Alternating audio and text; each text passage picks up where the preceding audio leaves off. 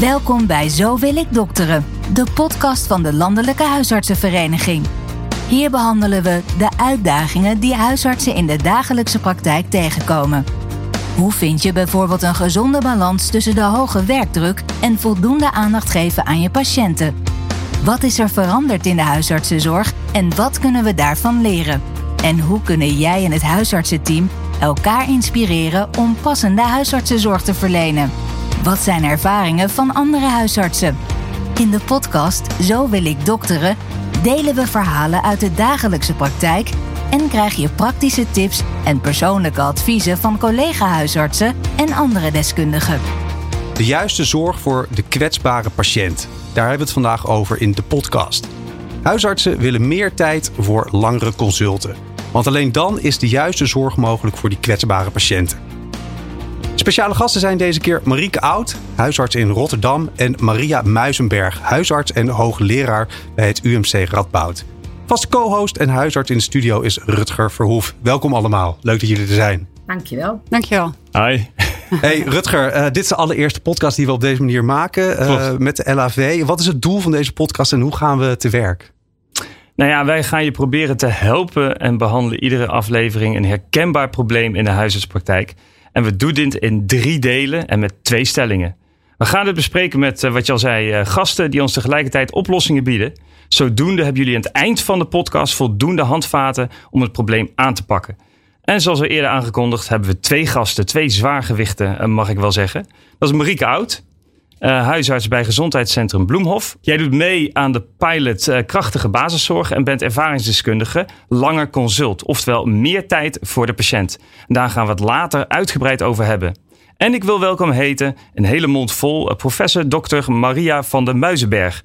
Naast huisarts ook bijzonder hoogleraar gezondheidsverschillen en persoonsgerichte integrale eerste lijnzorg bij UMC Radboud. En bovendien strategisch adviseur projectleider bij VAROS, het landelijk expertisecentrum dat bijdraagt aan het terugdringen van grote gezondheidsverschillen. En mede-auteur van het boek Zorg voor laaggeletterde migranten en sociaal kwetsbaren in huisartspraktijk. Of je nu een praktijk hebt, nog in opleiding bent of waarneemt als huisarts. In de podcast Zo wil ik dokteren hoor je verhalen en tips die je vandaag al kunt gebruiken. Laten we meteen beginnen met uh, dit eerste blok van deze podcast. Wat is nou het probleem? En dat doen we aan de hand van de eerste stelling. Uh, Maria en uh, Marieke, let goed op, want dit is hem. De kwetsbare patiënt is een last en geen uitdaging. Hm. En dan kijk ik jou aan, Marieke. Ja, de kwetsbare patiënt is een last en geen uitdaging. Eens of oneens? Oneens. Waarom? De kwetsbare patiënt is een, zeker een, een, een, uitdaging. Een leuke uitdaging wat mij betreft, zolang je er de tijd voor kan nemen om de goede zorg te bieden. De kwetsbare patiënt ervaren als een last is op het moment dat je uh, uh, het snel moet doen, uh, een volle wachtkamer hebt, veel te veel problemen tegelijk op je bord krijgt en eigenlijk niet weet wat je daarmee mee verder moet, welke kant je daarmee op moet. Mm -hmm. Het is een hele goede uitdaging zodra je je praktijk zo georganiseerd hebt dat je de kwetsbare patiënt uh, ja, eigenlijk verder kan helpen zijn eigen regie te pakken. Als dat lukt. Als het niet lukt, daar de, de, de steentjes in bijdragen. Of, of te kijken hoe je iemand een stap verder kan helpen. En uh, dat uh, is bij elke kwetsbare patiënt, en we hebben er veel, weer een leuke uitdaging. Mooi, helder ja. antwoord op wat jij van die stelling vindt. Dan heb ik zeker nog een vraag ja, nou, aan Maria. de, de kwetsbare patiënt, wie is dat? En hoe herken je een kwetsbare patiënt? Ja, de kwetsbare patiënt is natuurlijk een breed begrip. Er zijn heel veel vormen van kwetsbaarheid. Waar we het hier vooral over hebben, zijn die mensen die uh, meer dan bijvoorbeeld zoals wij hier zitten, uh, aandacht en ondersteuning nodig hebben om voor hun eigen gezondheid te zorgen. En dan hebben we het over een hele grote groep in Nederland, mm -hmm. pakweg 30% van onze bevolking. Zo. Daar zijn mensen bij die helemaal niet kunnen lezen en schrijven. Dat is één op de vijf Nederlanders. Mensen die geen Nederlandse taal spreken, uh, mensen die uh, psychische problemen hebben, soms mensen die door ouderdom of een combinatie van ziektes uh, meer ondersteuning nodig hebben. Dus het gaat echt om een grote groep patiënten. En hoe kan je inschatten of een patiënt kwetsbaar is? Kan je dat bijvoorbeeld als huisarts al bij het eerste gesprek? Of hoe kom je daarachter gaandeweg? Ja, heel belangrijk om daar aandacht aan te besteden. Je ziet het niet aan mensen. Je ziet niet of iemand kan lezen en schrijven of dat iemand in de armoede leeft en daardoor verschrikkelijk veel stress heeft. Dat betekent dat je echt je moet verdiepen in het leven van die mensen. En juist als huisarts hebben we ook zo ongelooflijk goed de kans om dat te doen als we tenminste de tijd hebben. Precies wat Marieke ook zei. Want dat betekent dat je het liefst met elke patiënt een kennismakingsgesprek hebt. Dat je een beetje weet wat voor werk die heeft gedaan. Hoe zijn leefsituatie is. Of die kan lezen en schrijven. En dat je bovendien, als iemand dan bij je op het spreken komt en die heeft bijvoorbeeld allerlei klachten waarvan jij denkt, nou dat is vooral door stress en dat is niet een lichamelijke ziekte, dat je dan ook de tijd hebt om te vragen, heeft u misschien financiële problemen, gaat het thuis wel goed, hebt u ondersteuning ergens bij nodig. Dus zo kom je erachter. Je kan het niet aan iemand zien. Maria, ben je het eh, met Marieke eens wat betreft de stelling? Ja, ik zou zelfs nog zeggen, het is een lust als je de tijd hebt. Want het is de patiënt bij wie je als bij uitstek onze brede huisartsgeneeskundige vaardigheden en kennis kunnen toepassen. En die bovendien zo ongelooflijk dankbare patiënten zijn als het je lukt om samen met hen tot een plan te komen wat een goede aanpak van hun problemen is. Maar dat eist wel wat tijd en dat betekent dus veel meer dan een receptje schrijven voor een pijnklacht. Maar het betekent echt samen kijken wat is de oorzaak van je klachten, wie kan je daar het beste bij helpen en weten waar je zo iemand dan ook naar kunt toesturen. Marieke, heb jij bijvoorbeeld een snelle scan van dat soort patiënten? Bijvoorbeeld als je een patiënt hebt die therapie ontrouw is, kun je dan al denken aan een kwetsbare patiënt? Eigenlijk kan je bij al die voorbeelden denken aan kwetsbare patiënten. Ik denk dat patiënten op, op heel veel gebieden kwetsbaar kunnen zijn. Wat je in je eigen consult ook kan doen, hè, is, is uh, terugvragen van hey, hoe, ga je het nou aanpakken, uh, wat ik je net heb uitgelegd.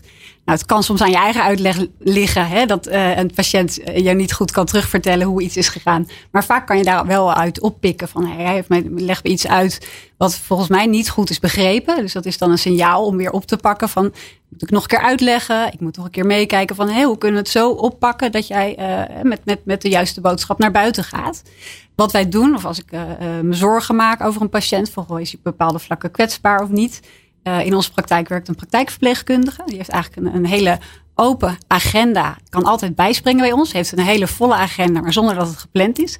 Zodra ik me zorgen maak om een patiënt of denk van hé, hey, ik, ik, heb, ik, heb, ik heb een plan of hebben iets samen bedacht. Maar die volgende stap, die is zo belangrijk. Maar die is soms zo moeilijk voor een patiënt om, om he, daadwerkelijk te zetten. Uh, dan vraag ik uh, ons praktijkverpleegkundige van, goh, kan jij hè, met, met, met meekijken? Uh, telefoonnummers samen opzoeken. Uh, soms eens langs huis om te kijken van, van hoe gaat het nou? Wie, wie zijn er belangrijk in, in familieverband om, om, om samen te kijken van, van hoe ze zelf de regie kunnen oppakken. Maar dan met, met een, een stukje warme overdracht en, en, en soms een handje extra. Ja, heel goed hoor. Dan ga je natuurlijk wel meteen naar het probleem. dat is heel goed hoor. Maar ik zit dan zelf nog te denken van... Uh, Zo'n kwetsbare patiënt, is dat dan ook een patiënt die uh, verwaarloosd is of die dan met een mantelzorger komt? Uh, denk je dan al meteen aan een kwetsbare patiënt? Zijn daar nog andere voorbeelden van? Dat zijn kwetsbare patiënten, absoluut. Uh, de patiënt die niet verschijnt is een hele kwetsbare patiënt. Ja. dan kan je soms denken, verdorie, hè, daar gaat mijn uh, sprekerplekje. Maar hmm. um, let op als ze twee keer niet verschijnen. Um, uh, we bellen ze na of we vragen van, goh, waar ligt dat aan? Liever niet beschuldigend, want dan komen ze de derde keer ook niet. Maar je kijkt van, komt het? Dus wat is een reden dat iemand niet komt? Dat iemand te laat komt? dat iemand therapie ontrouw is? Ja. Um, vaak moet je nou ja, een, een aantal keer doorvragen om achter te komen van, waar gaat dat dan in mis? Ja. dus je kan kwetsbaar Mensen ook bijvoorbeeld die heel weinig vragen stellen, dan moet je ook eigenlijk, dan, dan gaat het consult wel lekker snel. Maar als je dan vooral inderdaad bijvoorbeeld de volgende keer merkt dat hij toch niet heeft gedaan wat je uh, wil, dan uh, kan het ook echt een aanwijzing zijn dat iemand niet goed begrijpt wat de bedoeling is. We zijn aan het einde van eh, het eerste blok. Zometeen gaan we kijken naar de oplossingen. En dat doen we aan de hand van een nieuwe stelling. Ben jij nieuwsgierig hoe collega-huisartsen een gezonde praktijk opbouwen? Luister naar de podcast Zo wil ik dokteren. Voor praktische tips en verhalen uit de praktijk. Het tweede deel van deze podcast van de LHV over de juiste zorg voor de kwetsbare patiënt. Wat zijn de oplossingen? Daar gaan we het over hebben aan de hand van de stelling. Betere samenwerking en communicatie redt de kwetsbare patiënt en Rutger, de huisarts. Ja. Ik ben wel benieuwd. Ja. Uh, ik denk zeker de huisarts. Ja, ja toch wel. ja. uh, uh, licht eens toe, want jij bent ook gewoon huisarts. ik ben wel benieuwd wat jij ook van de stelling vindt. Nou ja, ik denk dat uh, heel veel huisartsen en ik dus ook, uh, als er een patiënt komt waarvan je denkt van, uh, god, die gaat heel veel tijd kosten. En dat is denk ik een kwetsbare patiënt. Dat je al denkt van, oh jee, hoe ga ik dat aanpakken? En loopt niet mijn hele spreekuur in de soep. Mm -hmm. Dus dat is de eerste gedachte die bij me opkomt. En als je denkt dan aan communicatie, en dat zou ik graag aan Maria willen vragen: van goh, zijn daar gesprekstechnieken die je kan toepassen in dat eerste consult, of misschien in het tweede consult, die je daarbij helpen? Ja, absoluut. Uh, ik ben het ook erg met de stelling eens. In de communicatie is het belangrijk dat je vooral checkt wat de patiënt van jou begrepen heeft. Het begint ermee dat je vooral een patiënt op zijn gemak moet stellen. Het gevoel moet geven dat je echt geïnteresseerd bent in iemand. Want dit zijn vaak mensen die een laag zelfvertrouwen hebben en weinig positieve ervaringen.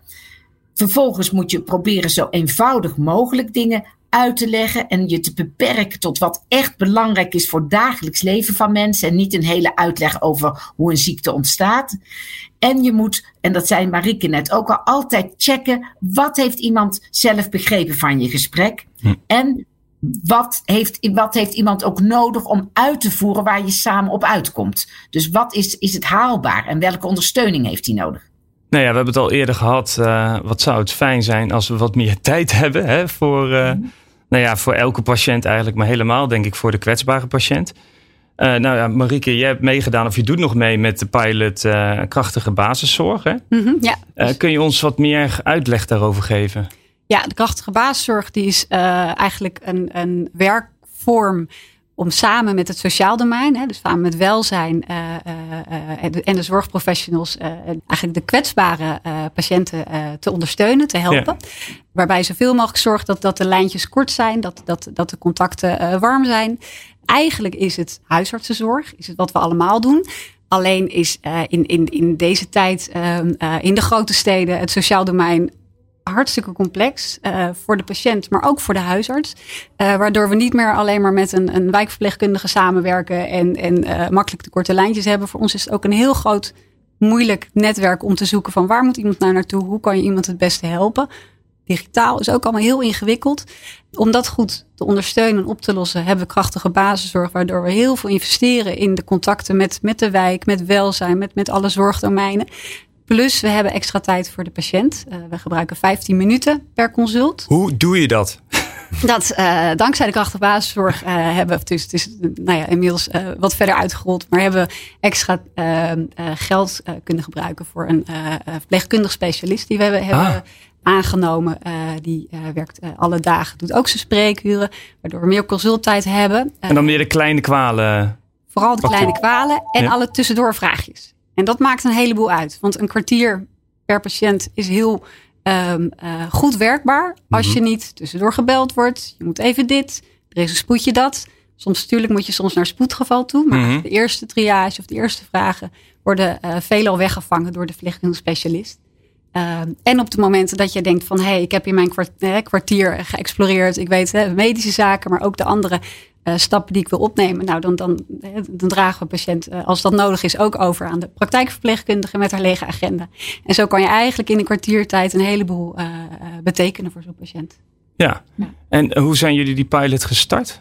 Die zijn we gestart in 2018. Uh, toen eigenlijk nou ja, zelf ook merkte van, nou, was net bij de stelling van hef. Het is dus ook voor de huisarts belangrijk dat het minder druk is bij ons. Uh, nou, noem het code rood of code zwart. Het was heel druk op de praktijk. We moesten groeien vanwege financiën. En, en het was alles was eigenlijk uh, een beetje groeide ons boven het hoofd.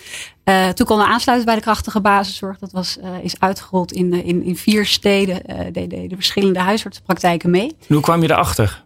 Bij ons, uh, ja, eigenlijk. Want ik kende het niet eerlijk gezegd. Nee, klopt. Nee, het was uh, uh, bij ons. ik zit in een gezondheidscentrum, werk ik in ja.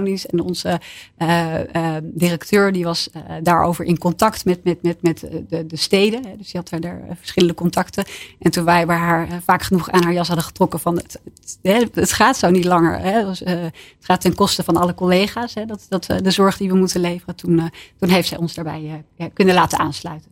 Wat super. En dat zouden andere praktijken dus ook kunnen doen in Nederland? Ja, op dit moment proberen we het ook uh, uit te rollen, uh, te verbreiden. Juist omdat het zo belangrijk is. Hè, voor, voor, uh, we zijn niet de enige praktijk hè, met, met, met hoge complexe problematiek met, met een hoog percentage daarvan. Dus het is heel belangrijk dat veel praktijken kunnen aansluiten. Dat is ook de oproep aan de zorgverzekeraar. Hè. Dus, dus we weten, het, het, uiteindelijk levert het geld op als je die tijd neemt voor de patiënt. we verwijzen minder naar de tweede lijn. We kunnen eigenlijk nou, zelf, nou ja, veel, veel efficiëntere zorg leveren op het moment dat je, dat je deze zorg levert. Dus ja, dus je gaf aan dus consulten van 15 minuten. Ja. Je hebt een praktijkondersteuner die ook spreekuur doet alle dagen. Ja. En de praktijkondersteuner doet nog buiten de praktijk. Ja, dus eigenlijk praktijkverpleegkundige die, die, die richt zich op, op wijkteam, op, op, op het sociale domein. En een verpleegkundige specialist die, die doet eigenlijk de, de huisartsenconsulten ook. Ja. Ja, ja. En dan hebben jullie ook nog af en toe een MDO, een multidisciplinair overleg. Klopt. Ja, dat hebben we één keer in de maand. We zijn het Hoe doe je dat ook met, met, met weinig tijd die je hebt? en ik hoor alle huisartsen, moet ik ook nog vergaderen. Nou ja, we werken in een, in een, een, een team wat, wat eigenlijk allemaal dezelfde, hè, de neus dezelfde kant op heeft. Mhm. Ehm, eh, dus en alweer uh, de verpleegkundige specialist en de praktijkverpleegkundige, die doen heel veel van, ontnemen mij heel veel van de organisatorische uh, zaken. Dus dan zeg je, oh ja, dan komt weer, trekken mij aan mijn jas van, hé, hey, we moeten naar het, naar het MDO, sluit je ook aan. Uh, we zijn dat gestart echt met een, een uh, eigenlijk alle organisaties die we hier maar konden verzinnen uit te nodigen voor een grote bijeenkomst. Dus gewoon met, met, met, met uh, in een zaaltje. Met elkaar besproken wat is de problematiek. Nou, iedereen vertelde, hè, dus, dus er speelt er een heleboel. Iedereen was enorm betrokken, maar wist nou niet van wat doe je nou als volgende stap. Want er mhm. is zo, speelt zoveel. Je wil wat, wat doen, je wil wat betekenen, maar dan. Uh, en vandaar dachten we, ja, we moeten elkaar heel veel blijven spreken. Uh, uh, en zo zijn we elke maand, uh, zien we elkaar tijdens corona online en nu weer gelukkig live. Ja, helder verhaal. Ook positief inderdaad hoe je daar dan een twist aan kan geven. We wil nog één ding vragen aan Maria. Ja, ja want we hadden het eerder al gehad, Maria, dat je strategisch adviseur projectleidt bij Faros. Ja eerlijk gezegd, uh, ik durf bijna niet te zeggen, maar kende ik uh, het niet. Nee, Kun je daar kort, kort, iets over vertellen en wat wij als huisartsen, uh, ja, hoe wij dat kunnen gebruiken? Ja, VAROS is dus het landelijke instituut dat zich ervoor inzet dat voor iedereen in Nederland de gezondheidszorg van dezelfde kwaliteit en toegankelijkheid wordt. En wat wij doen is heel veel trainingen voor huisartsen, voor huisartsenpraktijken over hoe kun je nou inderdaad kwetsbare patiënten uh, herkennen, ondersteunen, die samenwerking doen. Er is heel veel heel eenvoudig informatiemateriaal voor patiënten op onze website te vinden. En we hebben een grote website huisarts-migrant.nl, waarop allerlei informatie voor huisartsen en POH staat voor de zorg van mensen met een migratieachtergrond variërend van hoe, hoe schakel je een tolk in, welke regelingen zijn er om geld terug te krijgen als iemand uh, geen verzekering heeft, maar ook hoe kun je het beste iemand met een, uh, een, een, een, beetje bijzondere ziekte, zoals familiaire mediterrane koorts bijvoorbeeld, behandelen. Waar moet je aan denken bij een vluchteling met psychische problemen? Nou, al dat soort onderwerpen. Dus op die manier met praktische ondersteuningsmaterialen en uh, tools uh, kunnen we huisartsen helpen om ook juist voor die kwetsbare patiënt goede zorg te lenen. Zou je zo kunnen bellen als huisarts voor informatie of tips? Ja, dat kan ook. Ehm, we worden regelmatig, eerlijk gezegd, en dat vaak, er werken nog een paar huisartsen bij Faros. En wij krijgen dus vaak telefoontjes ook van, nou, ik zit hier met, uh, ik noem maar iets, een Oekraïense patiënt en die is helemaal over de rode. Waar kan ik nou terecht? Um, nou, al dat soort dingen kun je ons bellen en dan proberen we altijd zo snel mogelijk uh, iemand terug te laten bellen of te laten reageren. Hoe pakken andere huisartsen de dagelijkse praktijk aan? Je hoort het in de podcast Zo wil ik dokteren van LHV. Welke tips of ervaringen kun jij gebruiken voor jouw dagelijkse praktijk? We hebben eigenlijk het bruggetje naar het derde gedeelte al gemaakt. Dus laten we daar gewoon vooral op, op, doorpakken. Want uh, hier worden nu door Maria al handvaten gegeven van hoe kan je nou hiermee aan de slag. Uh, Marieke, wat, wat heb jij daarover aan te vullen? Wat moet je nou doen als je hier verder mee wil als huisarts? Je moet eerst klein bedenken van, van waar loopt het in mijn eigen praktijk vast. bij ons uh, was onze eerste gedachte van hè, we hebben meer tijd nodig om, om, om die patiënt te spreken. Uh, nou, wij het vrij drastisch hè, uh, omgegooid dat we overal de kwartieren per patiënt doen of per consult. Soms kan je ook bedenken van hé, hey, mijn, mijn complexe patiënten, dat is misschien een wat, wat kleinere groep. Ehm, ik doe middagspreekuren waarbij ik niet gestoord word, ehm, rustig de tijd kan nemen voor, voor op een andere manier de gesprekken aangaan. Um, wat vaak helpt als je hè, denkt van nou, er er meer of er zit meer achter. Het is, het is, er zit nog een heel groot beest onder het zand, bij wijze van spreken. Nodig je patiënt gewoon uit om, om een, een, een ander gesprek aan te gaan. Dat kan een 4D-gesprek zijn, wat, wat, wat wij gebruiken. Dat je mm -hmm. eigenlijk naar de naar verschillende domeinen gaat kijken op uh, maatschappelijk, sociaal, geestelijk en, en, en, en, en, en gezondheidsvlak. Uh, je kan ook, ook denken van ik, ik gebruik een, een, een, een andere manier om, om het over zingeving of iets met een patiënt te hebben. Maar dat je kijkt van wat, hè, wie zit er nou achter. Uh, dat hoeft vaak niet zoveel tijd te kosten, maar dan eh, zorg dat je een goed beeld hebt van wie is die patiënt met, met wat er allemaal mm -hmm. achter speelt. Kun je een paar woorden zeggen wat de winst is uh, vanuit jullie aanpak? Veel rust in de praktijk voor de zorgverlener. En dus meer werkplezier? Een, een, stuk meer werkplezier, omdat ik nu het gevoel heb dat ik geen brandjes aan het blussen ben, maar ik, ik, ik lever mijn werk zoals ik het zou uh, willen en moeten doen. Ja. Um, maar ook minder doorverwijzingen of minder voorgeschreven medicatie? Minder doorverwijzingen, absoluut. Ja. Uh, wij ja voeren ook anderhalve lijnsconsulten. Met, met uh, bijvoorbeeld met de internist zijn die heel belangrijk. We houden eigenlijk heel veel complexe, uh, uh, bijvoorbeeld diabetes in de praktijk. Ja. met, die, met de internist die over onze schouder meekijkt. Omdat we juist denken dat het heel veel um, therapietrouw oplevert um, om, om de zorgmeiders door ons te laten behandelen. We zien ze altijd ja. wel weer. We kunnen even langs gaan. Dat is gewoon zijn, mm -hmm. de, de kracht van de huisarts. Dat je, dat je een patiënt altijd in beeld houdt. Um, ik denk ook uh, typisch voor onze populatie is van, van eh, als, als er iets speelt, op, welk domein of, of terrein dan ook, een, een hulpvraag komt heel snel terecht bij de huisarts. En die um, uit zich vaak in, in iets lichamelijks. Uh, en dan is het aan ons om te kijken van is, is het lichamelijk of zit moeten wij een andere vertaalslag maken. En dan kijken van, van wat kunnen we bereiken. En je kunt je makkelijk uh, aanmelden uh, voor de pilot, toch? Want er is een LAV-handreiking. Meer tijd voor de patiënt, waarin staat hoe je een pilot kan starten. Mm, um, of is het niet zo eenvoudig? Is wat ingewikkelder dan dat.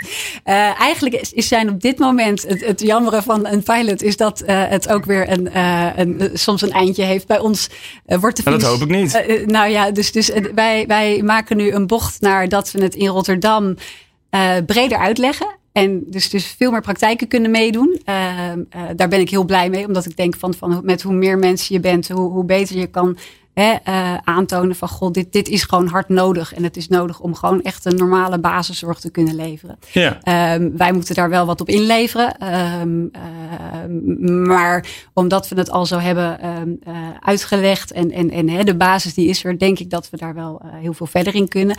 Maar alle grote steden waar, waar nu de, de krachtige basiszorg loopt, die uh, zijn het op hun eigen manier eigenlijk aan het invullen.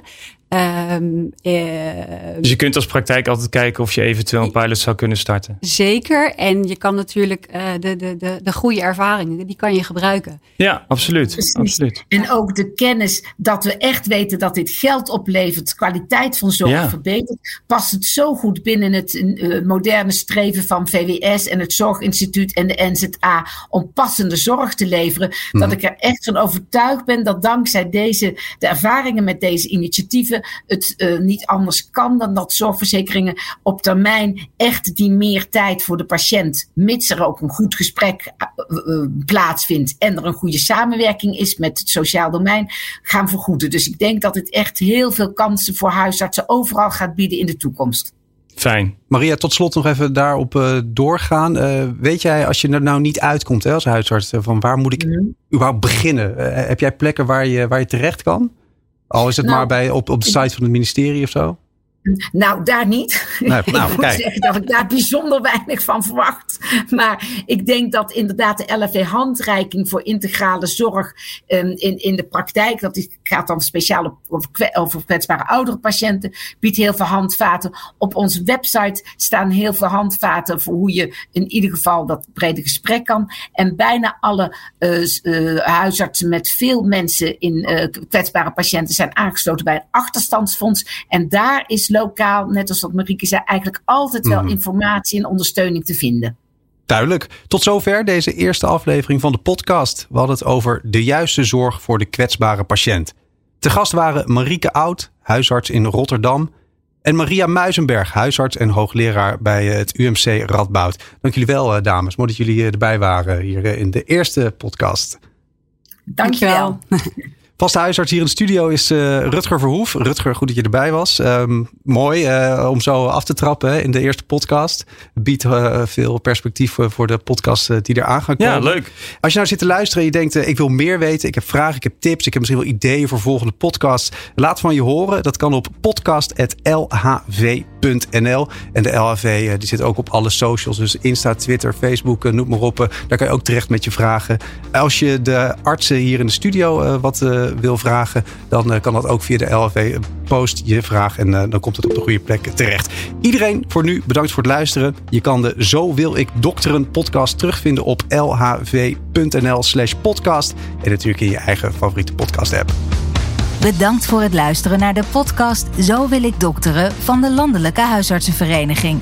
We hopen dat je nieuwe inzichten en misschien zelfs ideeën hebt opgedaan die je in de praktijk kunt brengen. Wil je meer voorbeelden, tips en ervaringen horen? Luister dan naar de volgende aflevering van Zo wil ik dokteren. Op de website van de LHV vind je meer informatie die hoort bij deze aflevering. Kijk daarvoor op www.lhv.nl/podcast.